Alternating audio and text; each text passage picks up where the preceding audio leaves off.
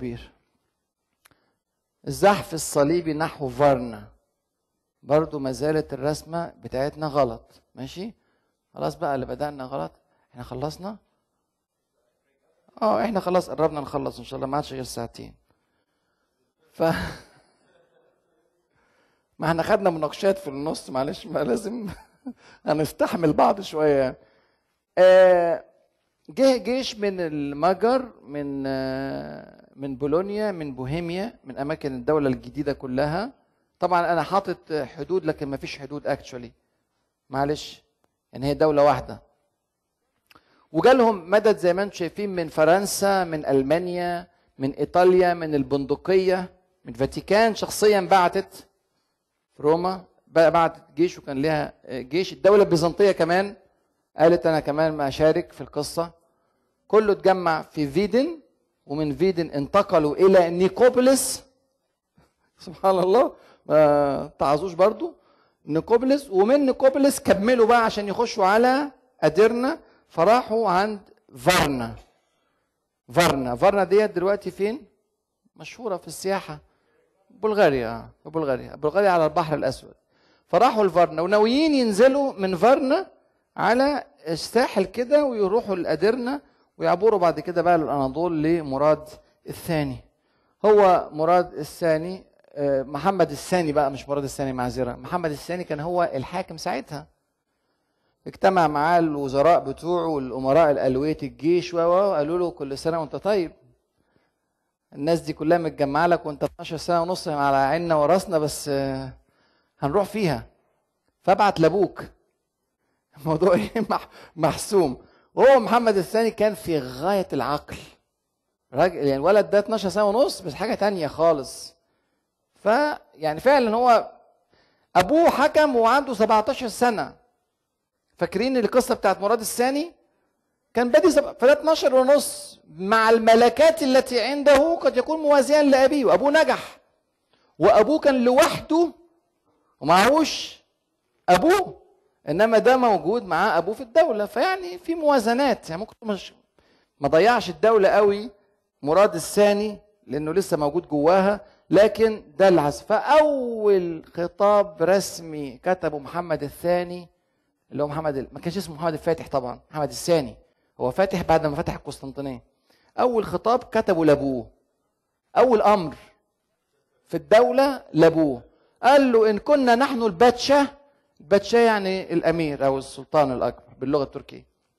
إن كنا نحن الباتشاه لو أنت حاططني بجد مش منظر فإننا نأمرك. تعالوا على رأس جيشكم. وإن كنتم أنتم فتعالوا دافعوا عن دولتكم. حاططني منظر يبقى تعالى دافع عن دولتك. حاططني بجد أنا بأمرك تيجي. في الحالتين لازم تيجي. ماشي؟ فكان منطقي ما خدهاش بعنترية ولا لا أنا إن شاء الله هعملها وبإذن الله خير و... لا خد الأمور المنطقية. طبعا جه الجواب للراجل استجاب. وجه مراد الثاني الجيش بتاعه مع جيش مراد وما ما خلعش ابنه. يعني هو جه لشكل بيقول له مؤقت. هعدي الدولة في المرحلة دي وأرجع تاني أعتزل وأنت تكمل حكمك تاني. عشان ما يكسرش ابنه بعد الولاية ديت يعني. وتمت معركة فارنا عشرة إيه؟ نوفمبر. قال إحنا ماشيين شهر شهر أحداث. آه شهر 1444 شهرين تقريبا من نقد المعاهدة كانت المعركة تمت بالفعل في أرض فارنا. من أكبر المعارك كذلك في تاريخ أوروبا. دول كتيرة جدا مشتركة في هذه الدولة والدولة العثمانية في ظروف صعبة. وتمت هذه الموقعة. مختلف على حاجات كتير قوي في معركة فارن جزاك الله كل خير. مختلف على أعداد المقاتلين. اللي يقول لك عشرين ألف ويقول لك ميتين وعشرين ألف ويقول لك تلتمائة ألف. أرقام خرافية في الفرق بين الروايات التركية والروايات الأوروبية. أرقام مختلف عليه. ومختلف أعداد القتلى اللي يقول لك مات مئة ألف واللي يقول لك ده مات عشرة آلاف. الفرق مفيش مفيش حاجة قريبة من بعضها. كله مختلف. هي من أكتر المعارك اللي اتصورت بشكل غريب جدا. مش مفهوم ليه برضو اشمعنى ديت اللي عليها اختلافات ضخمة قوي كده في الأرقام. الدولة المصادر التركية بتضخم قوي قوي قوي. الجيوش الصليبية وبتضخم عدد القتلى. والتانيين العكس. بيقللوا قوي قوي بشكل برضه غير منطقي. أعداد القتلى وأعداد النتائج بتاعتها بين هذا وذاك. أعداد القتلى وأعداد الأسر ده مختلف عليه. لكن المتفق عليه هزيمة الصليبيين هزيمة ما في حد بينكر هذا الموضوع.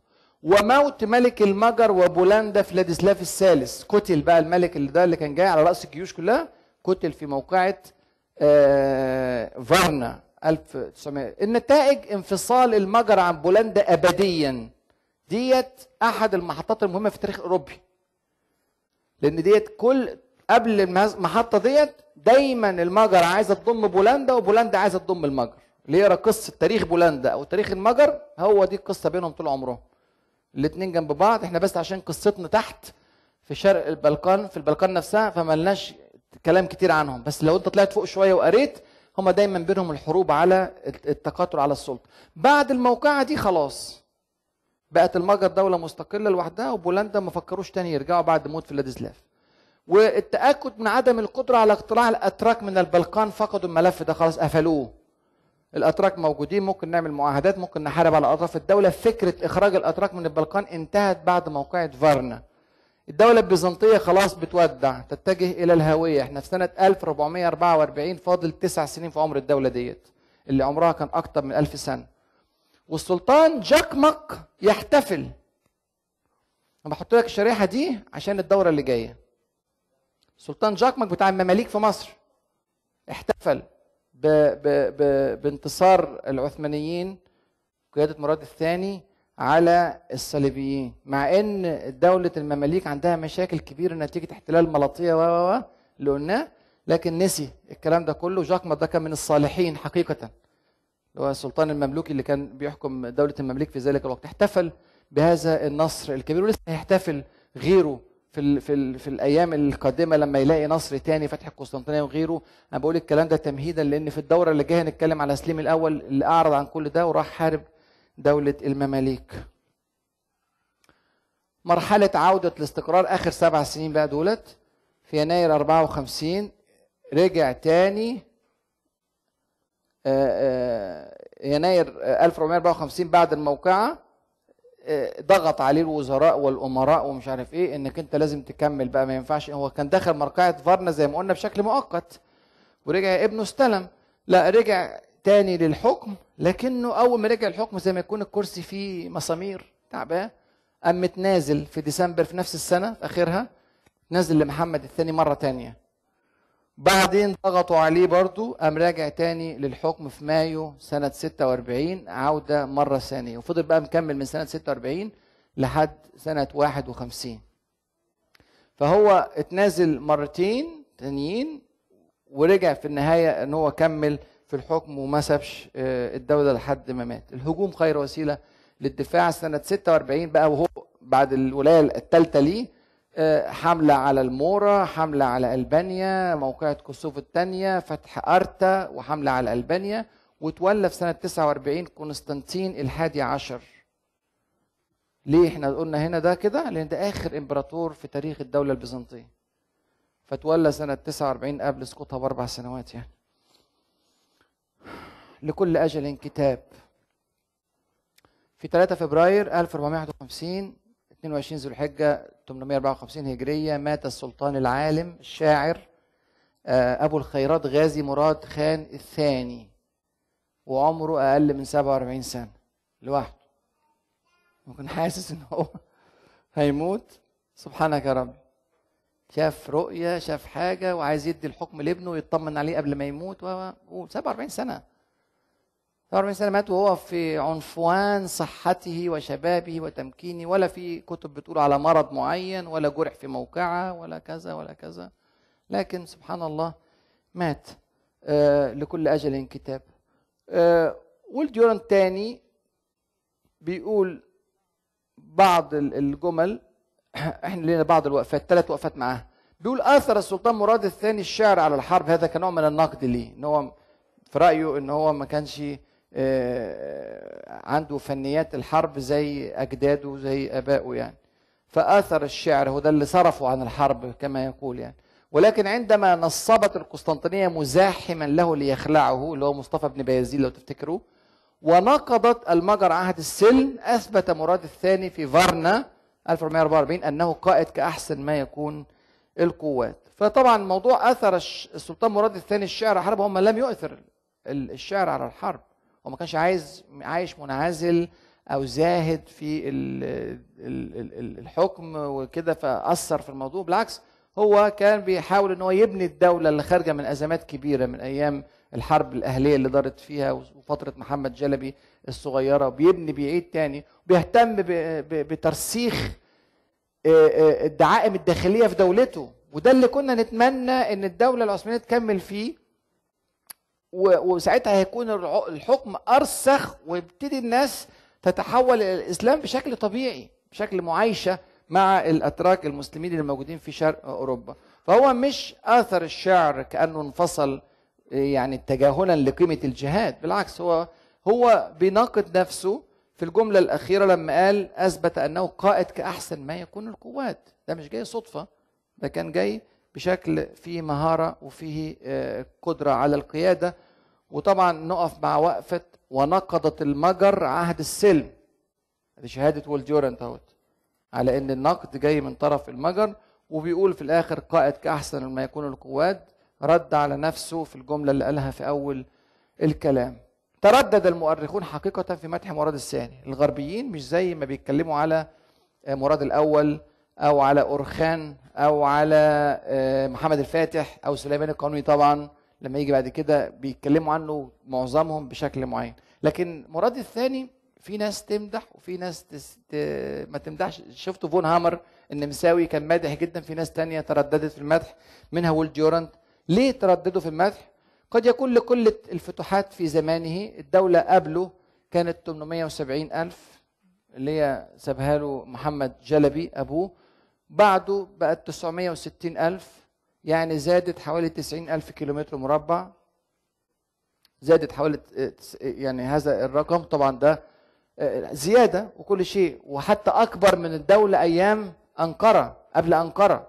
قبل أنقرة كانت 942 ووصل بقى 960 لكن الفتوحات مش علامة ظاهرة في حياته زي بقية الناس اللي كان واخد 95 ألف حولها 500 ألف واللي واخد 500 ألف خلاها 942 تمام؟ قد يكون هذا السبب. قد يكون لوجود فترة اضطراب وهزائم في حياتي خمس سنين اللي أنتوا اتكلمنا عليها من سنة 39 لسنة 44 قد يكون لانشغاله بالعلوم والفنون والمعمار فما فيش الفتوحات اللي بتلفت نظر الناس.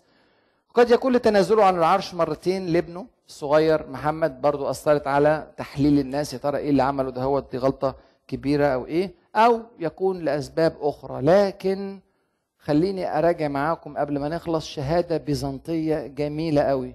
قالها دوكس. دوكس ده مؤرخ بيزنطي معاصر. راح قابل مراد الثاني وعاش معاه وشافه وكان رسول أحيانا بينه وبين إمبراطور بيزنطة وكتب تاريخ الدولة البيزنطية اللي هو الكتاب ده. كتبه وسقوط الدولة البيزنطية كان معاصر ليه؟ وكتاباته بيعتمد على الأوروبيين جدا في توصيف هذه المرحلة إنه كان عايشها مش بيكتب عنها. قال إيه؟ كان بيصف مراد الثاني كان يفيض حبا للشعب وكرما على المعوزين ولا يفرق في هذا بين مسلم أو مسيحي من رعيته. فكلاهما يلقى المعاملة نفسها كان يفي بعهوده مع أعدائه ومن ثم ومن كان منهم ينقض عهده معه كان يتعرض لعقاب الله. كان ينفر من الحرب ويفضل الانشغال بالعلوم والفنون والإعمار في ظل السلام لم يحارب إلا مضطرا وعندما كان ينتصر على أعدائه لم يكن يثخن فيهم إلى حد الإفناء بل كان يفتح الباب للجنوح إلى السلم. عايز إيه أكتر من كده؟ ده واحد بيزنطي من الدولة اللي شاهد وقوعها على ايدين العثمانيين. وبيقول الكلام ده بعد ما شاف مراد الثاني وعاش معاه. ما فيش بعد كده صراحة. شهادة من أروع الشهادات ويبقى أفضل أعمال مراد الثاني حسن تربيته للأمير النموذج محمد الفاتح. ليه بنقول إن هو النموذج؟ لأن الرسول صلى الله عليه وسلم قال لتفتحن القسطنطينية فلنعم الأمير أميرها ولنعم الجيش ذلك الجيش فده أفضل مثال للأمير. لازم يدرس. لازم يدرس ولازم تحضروا الدورة اللي جاية إن شاء الله اللي هتكون بعد فترة من الزمن. هيكون إن شاء الله الاشتراك فيها بألف دولار لأن الموضوع مهم. مش كده؟ مش الحاجات البسيطة بتاعتكم دي لا عايزين نرتقي بقى نتكلم على الحاجات الكبيرة. مش كده؟ طبعا أنتوا خايفين عليا من فتنة الدنيا فهتقولوا هنخليها مجانية. عشان فده ده أفضل أعمال مراد الثاني إن هو فعلا خرج لينا رجل مثل محمد الفاتح في الدورة القادمة إن شاء الله. ناخد فتح القسطنطينية ونشوف تفصيلاته الرائعة. نشوف بيزيد الثاني وموقف من الأندلس بعد سقوطها. نشوف سليم الأول وصدام مع الشيعة الصفوية ثم المماليك. ونشوف سليمان القانوني وأقوى دولة في العالم. ونشوف حاجات تانية إن شاء الله. يعني مش هتوقف عند هذا الموضوع بس دي بعض العناوين في الدورة القادمة وجزاكم الله خيرا كثيرا. تانية واحتمال تالتة. بس التالتة لو خليها تانية بس لأن التالتة لو لوحدها هتبقى كئيبة قوي. كلها ضرب وتلطيش بس فينا. فخلينا أحسن ناخد دي مع دي. يبقى اليوم الأول في دولة قوية واليوم الثاني دولة منهارة. معلش يعدلوا بعض إن شاء الله.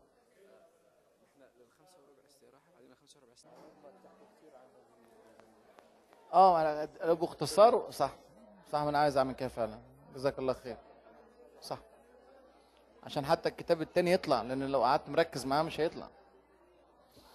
السلام عليكم. السلام عليكم. المرة الثانية ما تردوش. أنتوا بتردوا في الثالثة السلام عليكم. أيوه كده. لا تخلفوا عهدكم. إن شاء الله نرجع تاني. آه. لا أنا هبتدي بال هبتدي باللي أنا عايزه. اللي هو الإيه؟ آه آه okay. okay. طيب آه بسم الله والحمد لله والصلاة والسلام على رسول الله. في سؤال عن مذابح الأرمن مش كده؟ كتير آه كذا سؤال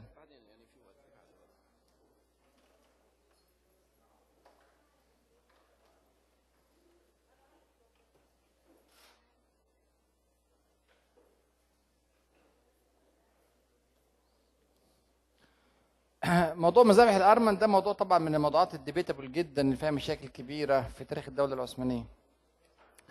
القصة إن الأرمن كانوا عايشين في داخل الدولة العثمانية فترة طويلة جدا من الزمن من غير مشاكل. العلاقات بينهم وبين الدولة العثمانية كانت علاقات طيبة للغاية. وللعثمانيين أقاموا ما يسمى بنظام الملل وده النظام ده اللي عمله محمد الفاتح. نظام الملل ده معناه إن بيقيم محاكم داخل الدولة العثمانية كل محكمة بتحكم لدينها. فكان جوه عنده محكمة إسلامية بتحكم بين المسلمين ومحكمة وطبعا بين المسلمين لو حصل يعني أي منتشرة في كل مكان يعني. في محاكم بقى أرثوذكسية كما قررها القسطنطينية وليها فروع موجودة في أماكن أخرى بتحكم بين الأرثوذكس. وفي محاكم كاثوليكية للناس اللي جوه الدولة العثمانية على المذهب الكاثوليكي وفي محاكم أرمينية. لما الأرمن مع بعض تحصل لهم مشكلة يروحوا للمحكمة الأرمينية تحكم لهم بدينهم بشرعهم داخل الدولة العثمانية. ده طبعا ده من أروع الأمثلة مفيش كلام من ده في الدنيا. يعني الدنيا عادة قانون الدولة بيحكم الناس كلها. مش هينفع أنت هنا كمسلمين مثلا في داخل أمريكا لو عندك قوانين معينة في شريعتك وانتوا الاثنين مختلفين ما ينفعش تروح تتحاكم بغير القانون اللي موجود في البلد. مش كده؟ وفي أمثلة كتير على هذا الموضوع ما فيش داعي للتفصيل فيها. فالأرمن كانوا علاقتهم كويسة وعايشين جوه الدولة العثمانية مفيش مشاكل. الأرمن مكانهم الرئيسي أرمينيا الكبرى اللي كانوا عايشين الحتة اللي عايشين فيها وعايشين في وسط الأناضول في مكان تاني اللي سميناه أرمينيا الصغرى على حدود روسيا. روسيا في آخر 200 سنة من عمر الدولة العثمانية كانت العدو الأول للدولة العثمانية. آخر 200 سنة. كل يوم معارك مع الدولة الروسية. عندها أطماع كبيرة جدا أرثوذكس طبعا الدولة الروسية وبيعتبروا نفسهم وارثي عرش بيزنطة وبالتالي عايزين يخرجوا كل الأتراك من شرق الأناضول وياخدوه من شرق أوروبا وياخدوه كله للدولة الروسية. فالصراعات بينهم كانت كبيرة جدا. ظهور الدولة الروسية كان مع ضعف الدولة العثمانية. فكان دايما إيه بينهم صراعات وكتير قوي انتصرت الدولة الروسية على العثمانيين في الأيام اللي هي القرون الأخيرة آخر قرنين يعني. الأرمن آه، في أواخر عهد بقى الدولة العثمانية 1800 آه، وحاجة و90 93 و94 آخر خالص القرن التاسع عشر بدأوا يتعاونوا مع الروس الروس في حربهم ضد الدولة العثمانية. هم أصلا الأرمن دلوقتي متجنسين بالجنسية الإيه؟ العثمانية. يعني هم من الشعب العثماني. فبيروحوا بيتعاونوا مع الدولة اللي بتحارب. زي دلوقتي كده ما تقول مثلا دولة زي وات مش هنقول أسماء عشان ما ندخلش اوراق في بعضيها. دولة فيها أقلية على دين تاني فلما الدولة دي دخلت في حرب مع دولة يعني آه، آه، على دين الأقلية الأقلية بدأوا يتعاونوا مع الدولة الثانية ضد الدولة اللي هم عايشين فيها. هيحصل إيه؟ في حاجة زي تستوصفوا إيه في القانون؟ خيانه عظمى ما فيهاش كلام يعني. ف وبالذات أنت بقى في موقف حرج جدا الدولة بتقع أصلا. هي مش ناقصة. هي أصلا الدولة بتنهار. الكلام ده كان أيام عبد الحميد الثاني.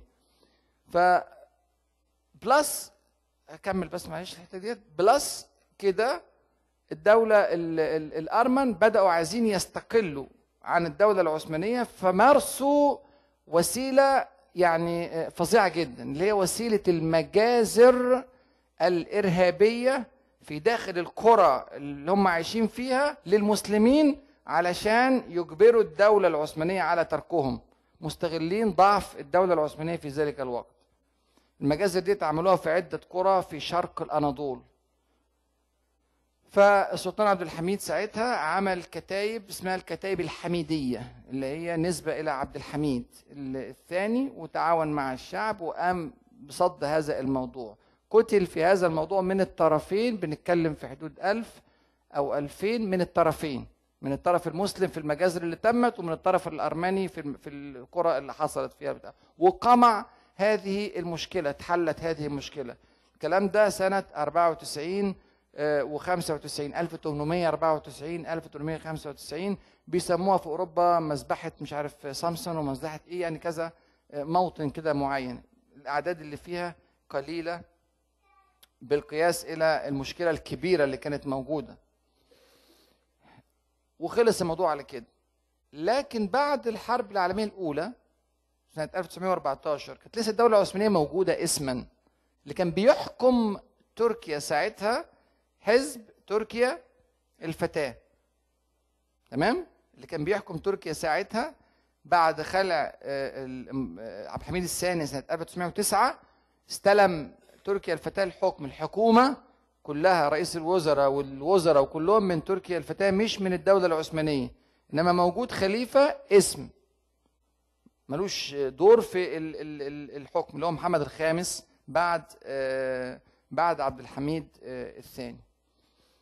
في الحرب العالمية الأولى من 1914 1918 زي ما أنتم عارفين دخلت الدولة العثمانية في صف مين؟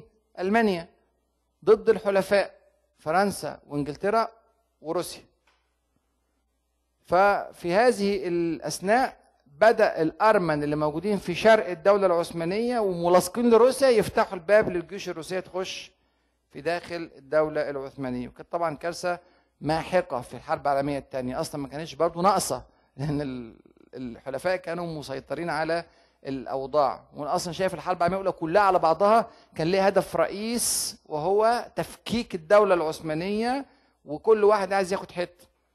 الروس والإنجليز والفرنسيين. وفي نفس الوقت شايفين نجم ألمانيا بيبزغ في أوروبا فاتلككوا.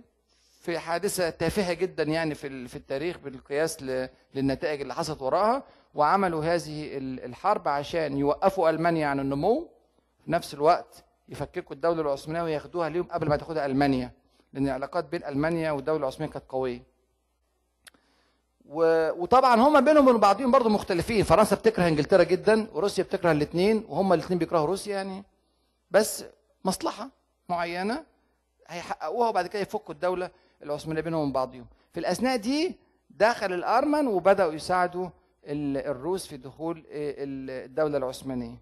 ساعتها الحكومة اللي موجودة اللي هي مش عثمانية بس تركيا عشان برضه الأمور تبقى واضحة آه، تركيا فتاه كلهم أتراك مش كده؟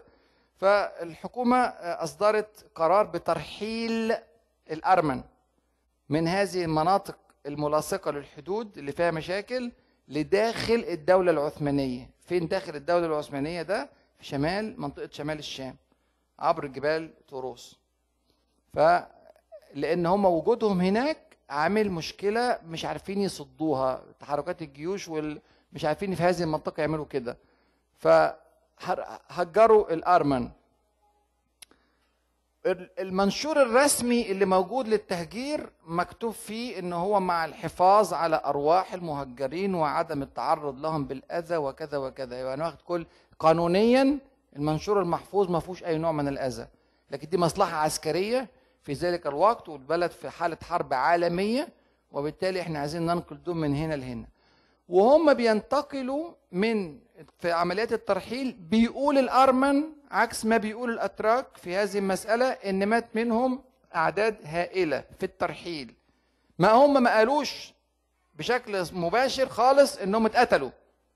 ما تمش قتل. إنما كل القصة ماتوا في الترحيل في ظروف كما يقولون غير آدمية وإن ماشوا في الصحراء وإن كان في عطش وإن كان في حر وإن كان في كذا. فمات على التقديرات الأرمينية من 500 ل 600 ألف. طبعا رقم خرافي مبالغ فيه مش تيمور لانك اللي بيهجرهم يعني. خد بالك؟ فالموضوع لكن ده الرقم اللي بيتقال في الورق بتاعهم عشان نعمل مع بعض زي ما بيقول بارجن أو نتفاوض يعني. أنا هقول 500000 وأنت هتقول لا دول 10000 يطلع الرقم في الآخر نتفق على 100000 فهو بيضخم قوي المشكلة عنده. لعبت على الوتر ده انجلترا وفرنسا على طول. أيوه الأرمن وإحنا ما أصلا كنيسة أرمنية عكس الاثنين التانيين. انجلترا بروتستانت و و و وفرنسا كاثوليك. والاثنين يعني ما لكن لا الأرمن وحبايبنا واولاد ديننا ومش عارف إيه وندافع عنهم عشان يحطوا مناخيرهم جوه إيه؟ جوه الدولة العثمانية. طبعا الأتراك بيقولوا إن العدد اللي مات في التهجير ده عدد قليل جدا ما يتجاوزش آلاف. وإن ده غير مقصود وإن دي حالة حرب والبلد كلها مهزوزة وال... إحنا ساعتها هنراعي الصواريخ اللي نازلة علينا ولا القنابل ولا هنراعي الناس اللي بتتحرك ولا إيه؟ وفي الآخر إحنا بنرحلهم ليه؟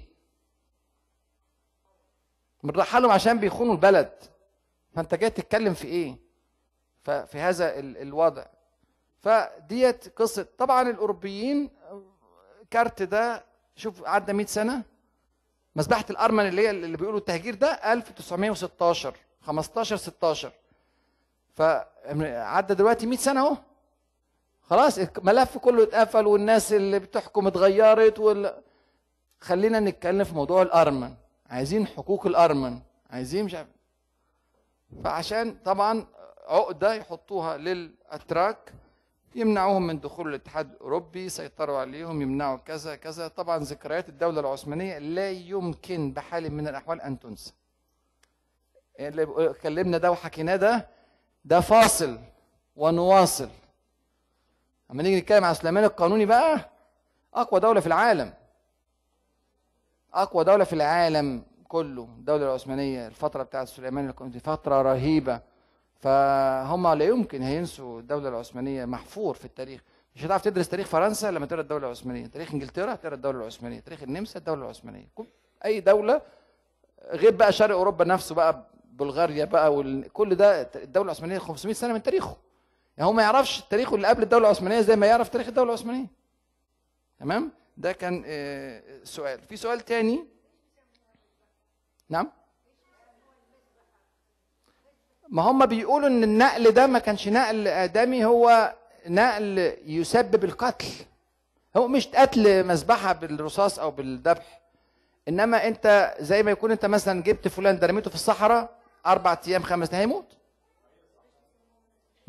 الجبال اللي هي من من أرمينيا للشام دي من أوعر الجبال قاطبة. مناطق بس ما فيهاش مية. مناطق صعبة بقى يعني. المهم في آه، واحد بيتكلم على عدم انتشار اللغة ال- التركية في ال... طبعا ما انتشرتش عشان إحنا قلناه من شوية ده في في نظام ال- الدولة العثمانية والتسامح الإداري الشديد. بيقول الدولة الفر- فرنسا ال- ال- اللغة بتاعت الجزائر لأن ما كانش يتعلم فرنسي كان بي... ما بيتعلمش.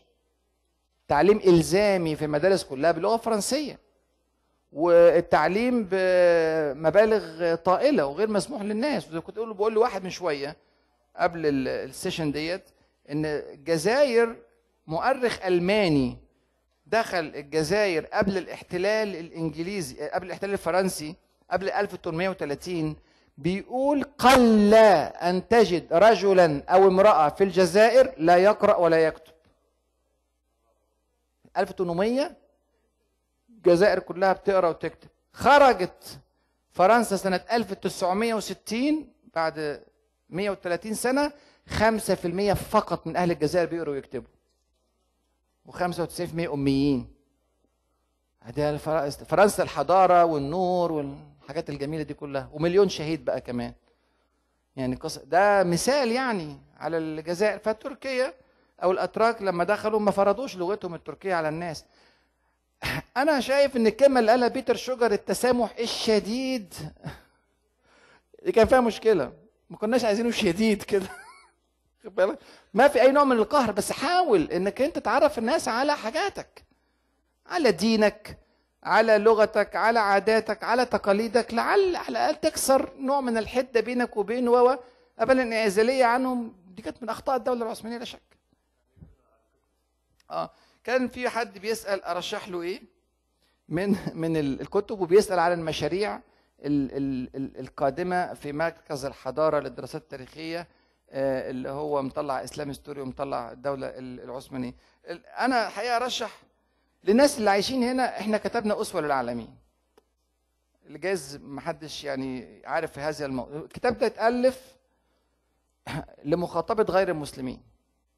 وبالتالي هو مش معتمد في الحديث عن رسول الله صلى الله عليه وسلم على الأدلة الشرعية والقرآنية وال- واللي في السنة المطهرة أنا ب... كأني بخاطب واحد هو غير مؤمن أصلا بالله عز وجل. وبالتالي أنا بقنعه إن ده أسوة للعالمين بأدلة عقلية وبشهادات غربية من أهله وبأدلة إعجازية من السنة النبوية وبأدلة أخلاقية من حياته صلى الله عليه وسلم ومن أدلة من التوراة والإنجيل وهكذا عشان إيه؟ أما كان غرض كان الكتاب ده مسابقة. الحمد لله كنا خدت فيها المركز الأول سنة 2010 وكان آه، آه، ده الغرض بتاعه إنه يترجم بعد كده لعدة لغات. وهو نواة آه، جزء كبير من المواقع اللي عندنا في إسلام دوت كوم المترجمة للغات المختلفة. فهو الحمد لله مترجم لعدة لغات. أنتوا تاخدوه طبعا بالعربي وبعدين بعد كده ترجموه أنتوا بقى بلغتكم الأمريكية. لأن طبعا كل مكان ليه ليه ألفاظه ممكن تساعد. وابعتوا لنا الترجمة ديت لو في جهود لهذا عشان ننشرها عندنا على الموقع إن شاء الله. رب العالمين. وأفضل ما كتبت في رأيي كيف تخشع في صلاتك.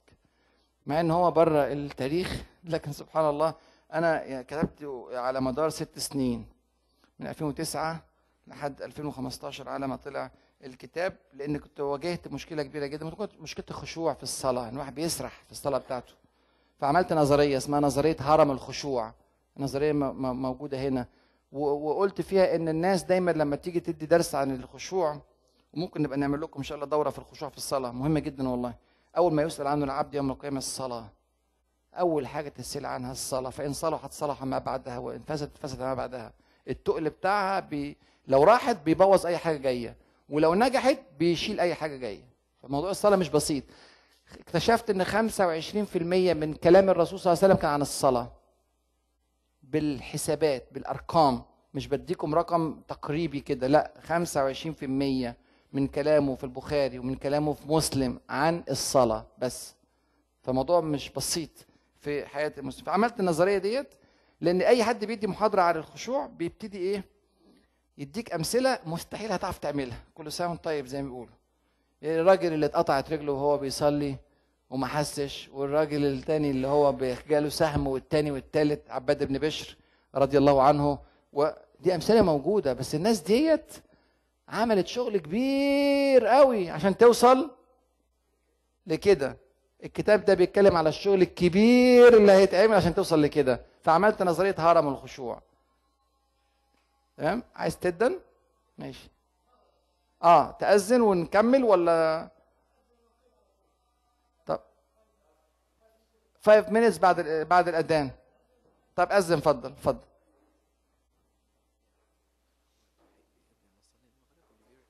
لا لا لا لا. بعد المغرب نمشي. آه آه أوكي. فين؟ مش لازم.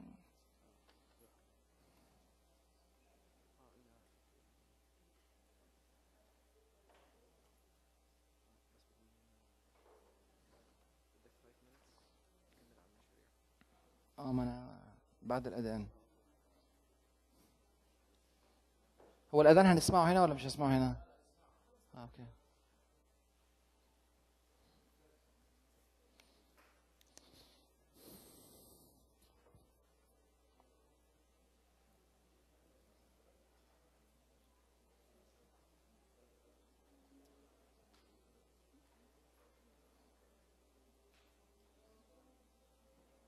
الله اكبر الله اكبر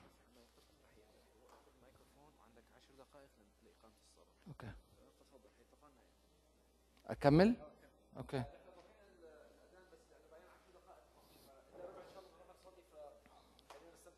طيب.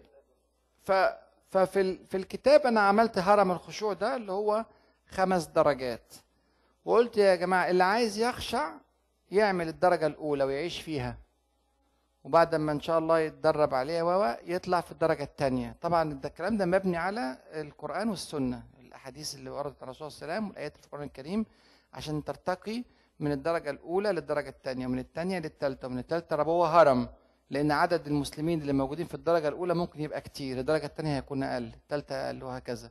لحد الدرجة الرابعة. لحد الرابعة ديت أنت بالجهد والممارسة والتدريب و و أمور كتير لحد ما توصل للرابعة. الخمسه ديت في رأيي إنها منحة من رب العالمين سبحانه وتعالى. الأمثلة اللي بتذكر كلها في الناس عايشين في الخمسه ناس وصلوا لهذا البتاع بالجهد الطويل اللي عملوه في من واحد لاثنين لثلاثه لأربعة ديت. فبتدي لك منهج عملي للخشوع في الصلاة. في قضية لو خشعت في صلاتك هتلاقي أمورك في بقية حياتك كلها اتظبطت بقى. أمورك مع الزكاة أمورك مع بقية الأركان أمورك مع المعاملات مع زوجتك مع أهلك مع الناس مع المسلمين مع غير المسلمين. أمور البلد كلها أمور المجتمع كله. هتلاقي الدنيا اتغيرت لأن أنت علاقتك بربنا عن طريق الصلاة صارت علاقة حقيقية مش شكلية. مش شكلية. فديت إيه ده والكتاب الثالث اللي رشحه في الأخير يعني شاهد شاهد من أهلها. بالنسبة ليكم أنتوا هنا أنا طبعا السؤال ده ممكن نجاوب عليه بطريقة تانية في المغرب ولا في في في السعودية ولا في أي مؤتمر تاني. لكن بالنسبة لل- للمسلمين هنا في أمريكا زي ما قلت اسور العالمين أو كيف تخشع في صلاتك أو موضوع التالت شاهد شاهد من أهلها. إن في شهادات الغربية الغربي لما بيسمع شهاده كتير من المسلمين على فكرة. كتير من المسلمين لما يسمع شهادة واحد بس يكون اسمه لاتيني كده ولا أجنبي تلاقيه يتأثر ويبقى مبسوط. لما شهادة واحد مسلم تلاقيه متردد وأكيد biased يعني. لكن التاني ده أكيد مش biased ف... فإحنا بنحب ده. فالكتاب كله كده. كله ناس شعرها أصفر وعينيها خضراء وحاجات جميلة قوي ف وشهادات حقيقية ومصادرها موجودة. وتقدر تق- هو كمان عظماء أسلموا. كتاب عظماء أسلموا برضو لو كان لسه موجود مش عارف إذا كان موجود منه لأ. ده كتاب بيتكلم على ناس أسلمت. وأنا بقول في تعريف الكتاب أن كل من أسلم فهو عظيم. مقصود عظماء. بس بقى قسمتهم.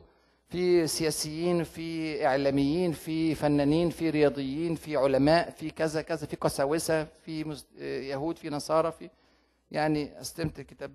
برضه يساعدكم في المجتمع اللي أنتوا عايشين فيه هنا. ال- المشاريع القادمة اولا طبعا أنا أشكر إخواننا أخين موجودين هنا وسطينا اللي دعموا موضوع قصة الدولة العثمانية. الموضوع ده كلف كتير قوي والحمد لله في اتنين من الإخوة تكفلوا بالمكتب إن هو يعني يعمل هذا المشروع على مدار سنة ونص شغالين فيه ولسه هنكمل كمان ست شهور تانيين عشان نخلص المشروع كله ويطلع يعني مكتوبا بالتوثيقات وبالمصادر وكلام من ده والخرايط والحاجات ديت. كلها فبنشكرهم ونقول لهم جزاكم الله كل خير ونسأل الله أن يجعل هذا في ميزان حسناتكم إلى يوم القيامة. مع كل الفوائد اللي بتحصل منه يكون دايما لهم مردود أخروي يستمتعوا به أمام الله عز وجل. مشاريعنا ال- القادمة عندي مشروع اسمه سنة أولى تاريخ. وده مشروع لطيف كده وإن شاء الله يكون جميل و... بس محتاج برضو جهد كبير وتفرغ إن شاء الله ربنا ييسر لنا ونلاقي لهم يعني برضو دعم هذه المشاريع. سنه اولى تاريخ ده بيتكلم على آه، 354 موضوع. إشمعنى 354 موضوع؟ آه، عشان أيام السنة الهجرية 354 يوم اللي هي قلناها في إحياء السنة النبوية. عايزك كل يوم تقرأ معلومة تاريخية.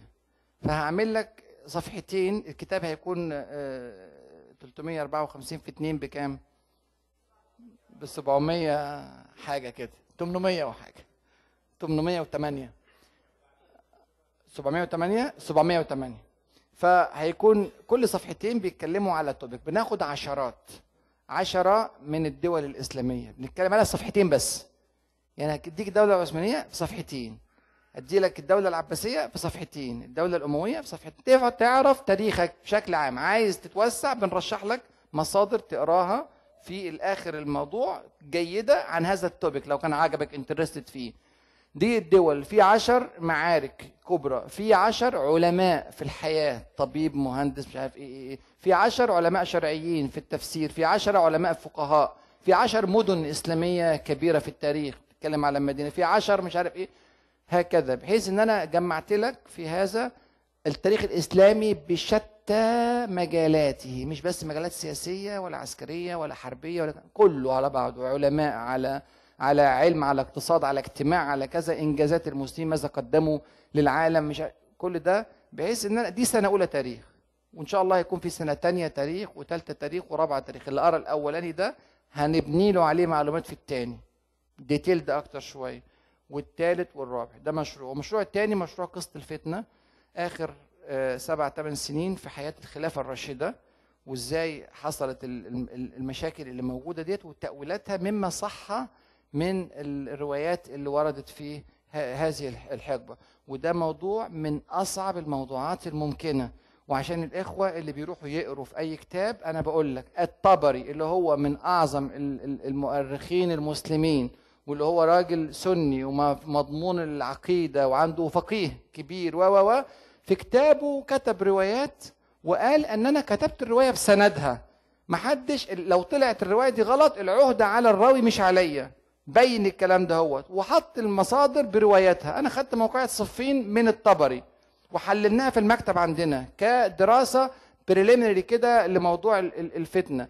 طلع في في في موقعة صفين بس 113 رواية عند الطبري. 99 منها مكذوبة.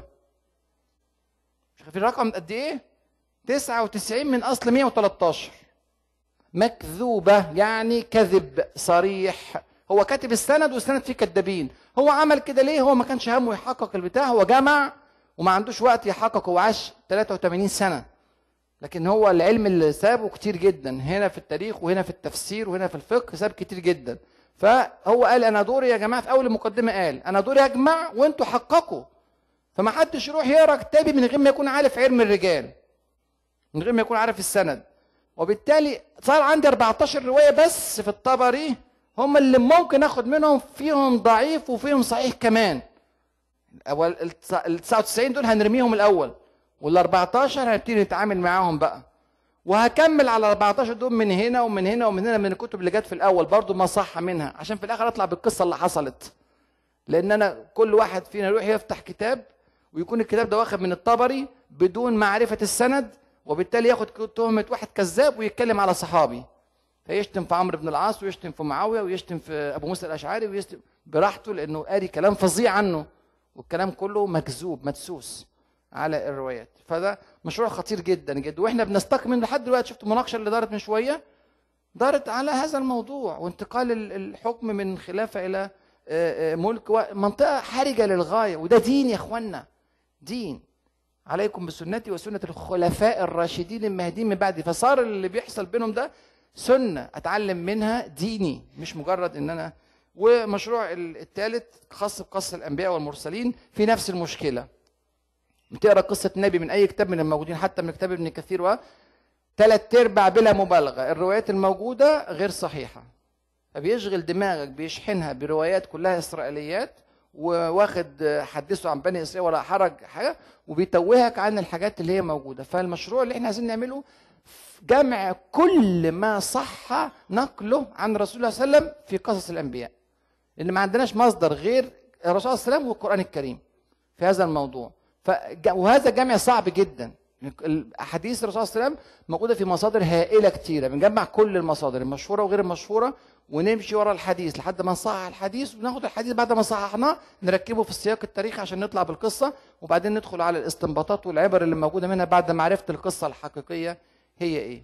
فديت ال- المشروعات ال- الرئيسية إلى جوار مشروع الصقليه وده يعني مش عايز بقى تفصيلات كتيرة برضو من الموضوعات المهمه جدا المجهولة وأنا أزعم إن مفيش حد خالص إدى تاريخ صقلية مطلقا. في كل اللي أعرفهم كان حد فيكم عرف حد إدى دورة عن تاريخ الصقليه أو حتى محاضرة يبقى يقول لنا. أنا أديت بس الدوره عنها في مينيسوتا من حوالي سبعة ثمان شهور يعني في الرحلة اللي فاتت بتاعت مايو اللي كنت عندكم فيها رحت بعد كده مينيسوتا اديت لهم. بس ده مشروع كبير بيتكلم على فترة عاش فيها المسلمين حاكمين للصقليه ومعاهم جالية نصرانية وإزاي تعاملنا وفترة تانية عاش فيها المسلمين في الصقلية تحت حكم نصراني وبرضه متعايشين فكيف تعيش أقلية مسلمة في مجتمع بيحكم بالنصارى وكيف يعيش نصارى في مجتمع بيحكم بالمسلمين؟ نموذج تعايش متهيألي مفيش زيه آه، في التاريخ كله بتاع الصقلية ده. نموذج مبهر. في نفس الوقت انتقلت الحضارة الإسلامية من صقلية إلى أوروبا والجميع برضه معترف إن مصدرين الحضارة في أوروبا صقلية والأندلس والاثنين مسلمين. ديت المشاريع اللي إحنا إن شاء الله نشتغل فيها في الفترة اللي جاية بعد إتمام مشروع الدولة العثمانية. آه، عندنا هنا مؤسسة بتدعم هذا الموضوع. الحمد لله History Revival بس ما توزعش حاجة. هم خارجين بقى. بتاع ال History Revival ديت يعني يعني non-profit organization موجودة في في ارلينغتون تكساس وهي الحمد لله اللي دعمت مركز الحضارة من بدايات نموه وموقع اسلام dot com أبو أنور المسؤول عن آه، هذه ال- المؤسسة. وطبعا آه، آه، دكتور سالم وباشمهندس آه، آه، حسام بيساعدوه في هذا الموضوع. جزاهم الله كل خير. والحمد لله رب العالمين أشكركم جميعا على حضوركم يعني وأشكر المسجد على توفير هذه الفرصة. والحقيقة استقبالكم آه، فوق الرائع ومساجد آه، جميلة والجالية رائعة وراقية. ومحبة. أنا. okay حاضر. okay السلام عليكم. 3 minutes too much. okay.